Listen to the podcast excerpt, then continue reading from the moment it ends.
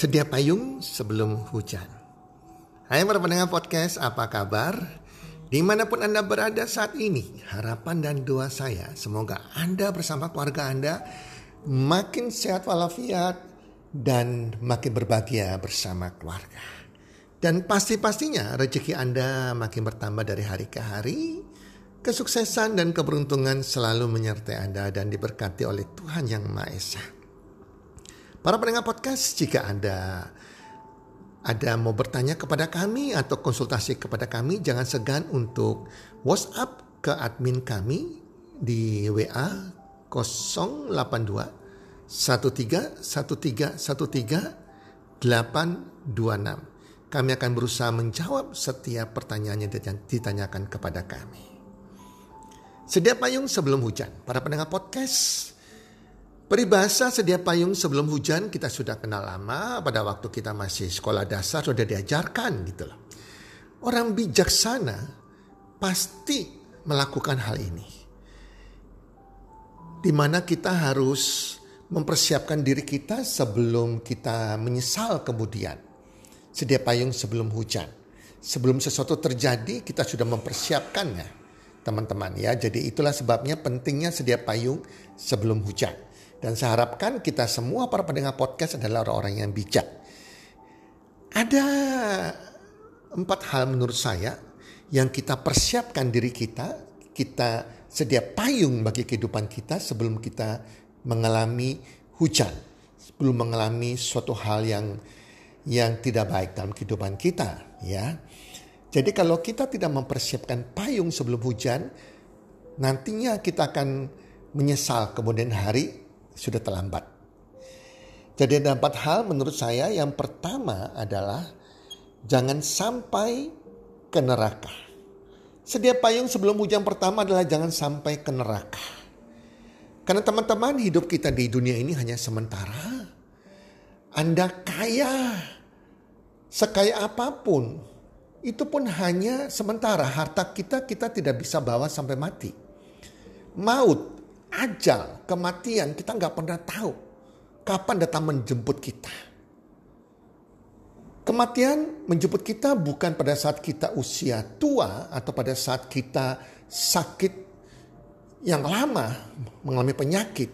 Tetapi kadang ajal dan kematian menjemput kita pada waktu kita masih usia muda Bahkan tanpa gejala apa pun. Udah banyak kejadiannya teman-teman. Saya baru membaca berita hari ini. Ada seorang remaja yang meninggal pada saat lagi potong rambut di barbershop. Dia lagi potong rambut di tempat potong rambut dan meninggal lagi dipotong rambutnya. Masih remaja teman-teman. Itulah contohnya kita nggak pernah tahu kapan ajal menjemput kita. Itu sebabnya kita harus sedia payung sebelum hujan. Kita harus persiapkan diri kita jangan sampai kita ke neraka. Karena maut datang setiap saat. Kita persiapkan diri kita kalau maut menjemput kita. Kita bisa meninggal dengan sukses artinya kita bisa meninggal bisa ke surga. Itulah sebabnya dari usia muda Anda harus beragama yang sungguh-sungguh mencari Tuhan yang Maha Esa dengan sungguh-sungguh, Tuhan yang bisa membawa Anda ke surga. Karena hanya Tuhan yang bisa membawa Anda ke surga. Anda harus cari yang tepat. Ya, jangan sampai Anda menjadi orang yang tidak beragama, teman-teman. Anda lupa Tuhan yang Maha Esa. Dan kita harus rajin baca firman Tuhan, baca kitab suci agama kita. Kita juga rajin juga uh, berdoa, berhubungan dengan Tuhan, dan yang terpenting adalah setiap hari kita melakukan hal-hal yang Tuhan sukai. Bukan hal-hal yang Tuhan tidak sukai, yaitu dosa-dosa kita yang bisa membawa kita ke surga. Nah, itu ada persiapan untuk kita bisa ke surga. Jangan sampai kita ke neraka. Itu payung. Contoh payung pertama. Ya. Yang kedua, sedia payung sebelum hujan. Jangan sampai sakit. Kesehatan tuh sangat bernilai. Itu adalah harta nggak ternilai teman-teman. Jangan sampai kita sakit. Karena sakit itu tidak enak, sakit itu menyedihkan, sakit itu menyusahkan keluarga kita, membuat sedih keluarga kita, terutama orang tua kita. Dan sakit itu mahal, mahal sekali. Teman-teman kalau misalnya kita gak harapkan ya kalau ada seseorang yang sakit cancer, kanker, itu tabungan mereka seumur hidup bisa habis karena sakit penyakit tersebut. Jangan berpikir bahwa oh saya masih muda, masih sehat. Tidak, oh no, no, no. Penyakit itu adalah penyakit yang timbulnya menahun setelah belasan tahun berjadi semacam bom waktu. Itulah sebabnya sejak Anda usia dini, ya, sejak Anda masih remaja, masih muda, sudah menjaga kesehatan Anda. Agar Anda terhindar dari penyakit di usia nanti. Bagaimana caranya? Dengan pola makan Anda dan lifestyle Anda. Pola makan, ingat teman-teman, penyakit, semua penyakit masuk dari mulut Anda. Dari apa yang Anda makan. Itu sebabnya Hindari makanan fast food. Hindari makanan yang tidak bernutrisi. Hindari makanan yang banyak mengandung gulanya. Minuman yang banyak mengandung gulanya. Hindari gorengan-gorengan karena itu memakai minyak goreng yang sudah digoreng berkali-kali atau dikatakan lemak trans. Ini lemak yang jahat. Hindari makanan yang bersantan. Makan makanan yang mana tubuh butuhkan.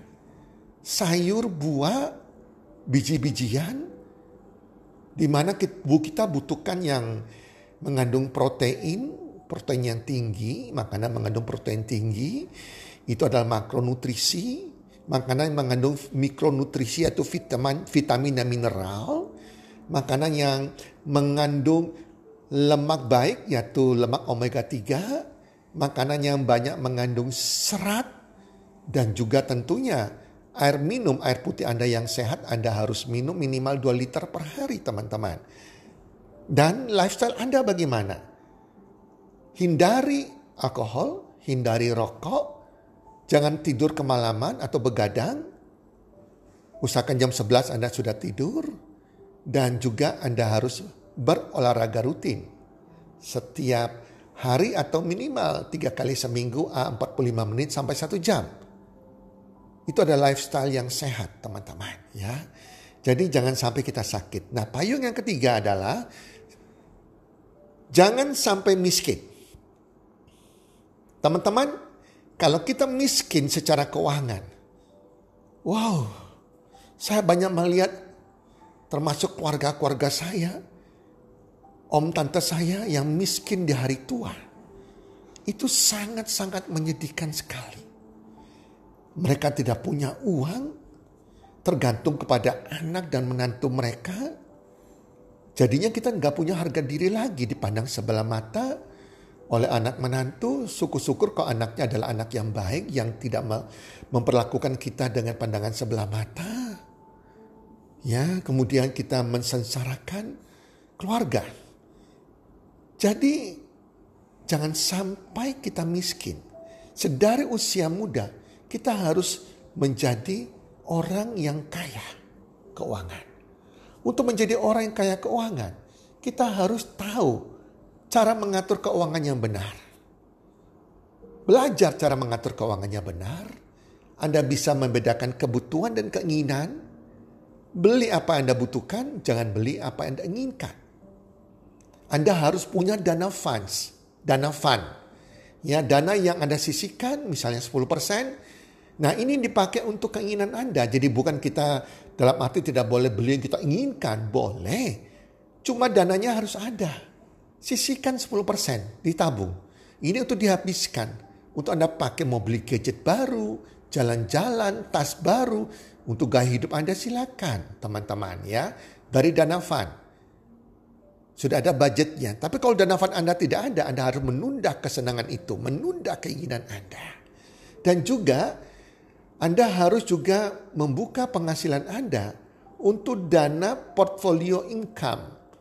Atau kita bicara sebagai investor untuk ini adalah uh, kebun uang Anda. Peternakan uang Anda. Kalau Anda sisihkan 10% dana fund berarti dana untuk uh, kebun uang Anda, peternakan uang Anda juga 10%.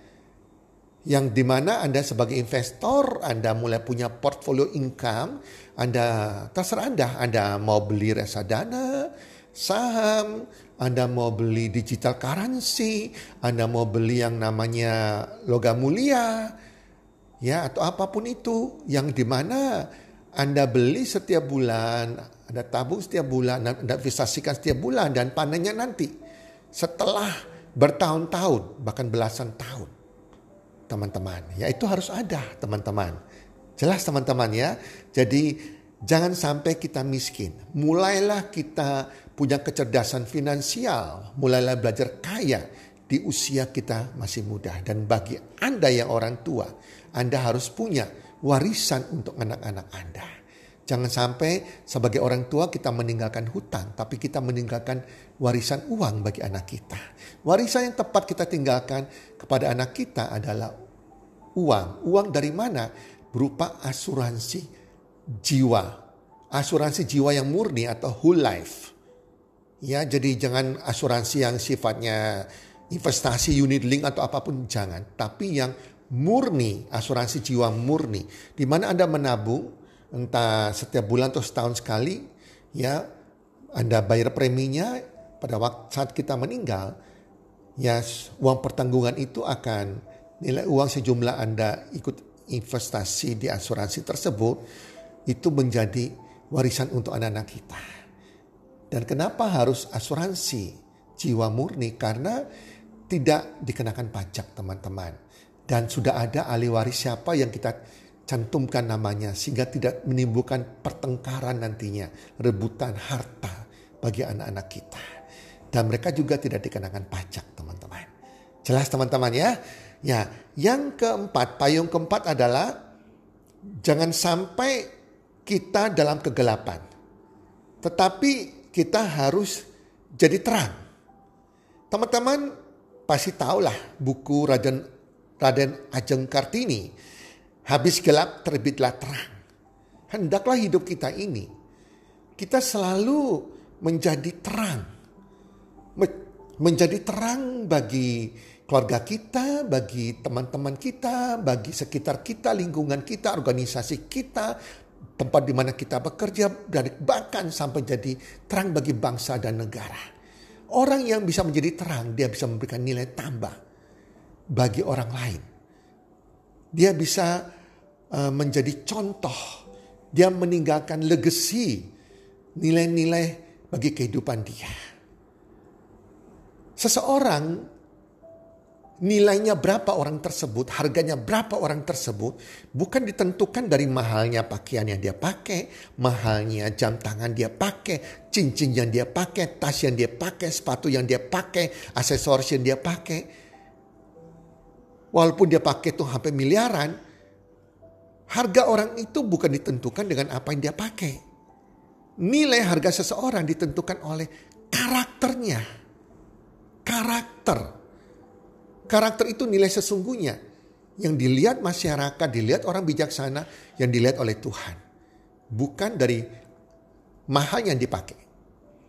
Nah untuk memiliki karakter yang baik dimulai dari kita harus punya mindset pikiran yang positif, pikiran positif, ucapan kita juga harus positif. Tindakan perbuatan kita setiap hari jadi positif juga. Kalau tindakan positif kita tiap hari, maka jadi kebiasaan kita, kebiasaan yang positif itu akan membawa kita karakter yang positif. Karakter menjadi terang bagi sekitar kita. Karakter yang dihargai orang.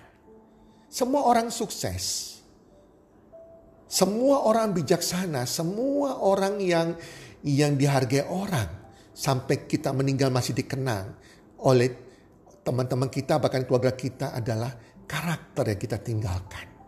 Nilai-nilai hidup kita tinggalkan. Itulah sebabnya kita harus menjadi terang. Jangan menjadi gelap. Setiap orang pasti ada dalam kegelapan. Siapa pun kita itu. Tetapi kita harus sadar sudah cukup kita dalam kegelapan. Sudah cukup kita menjadi gelap. Sudah cukup hidup, hidup kita dalam kegelapan. Hidup kita menjadi gelap bagi orang lain. Gelap ini harus habis. Habis gelap, harus terbitlah terang. Hidup kita harus jadi terang, bersinar. Dan bagi keluarga, bagi orang lain, dan bagi bangsa dan negara kita. Para pendengar podcast, semoga materi kali ini, sering saya kali ini sedia payung sebelum hujan bisa bermanfaat bagi Anda semua dan bisa menjadi berkat bagi Anda semua. Salam sukses. One, two, three.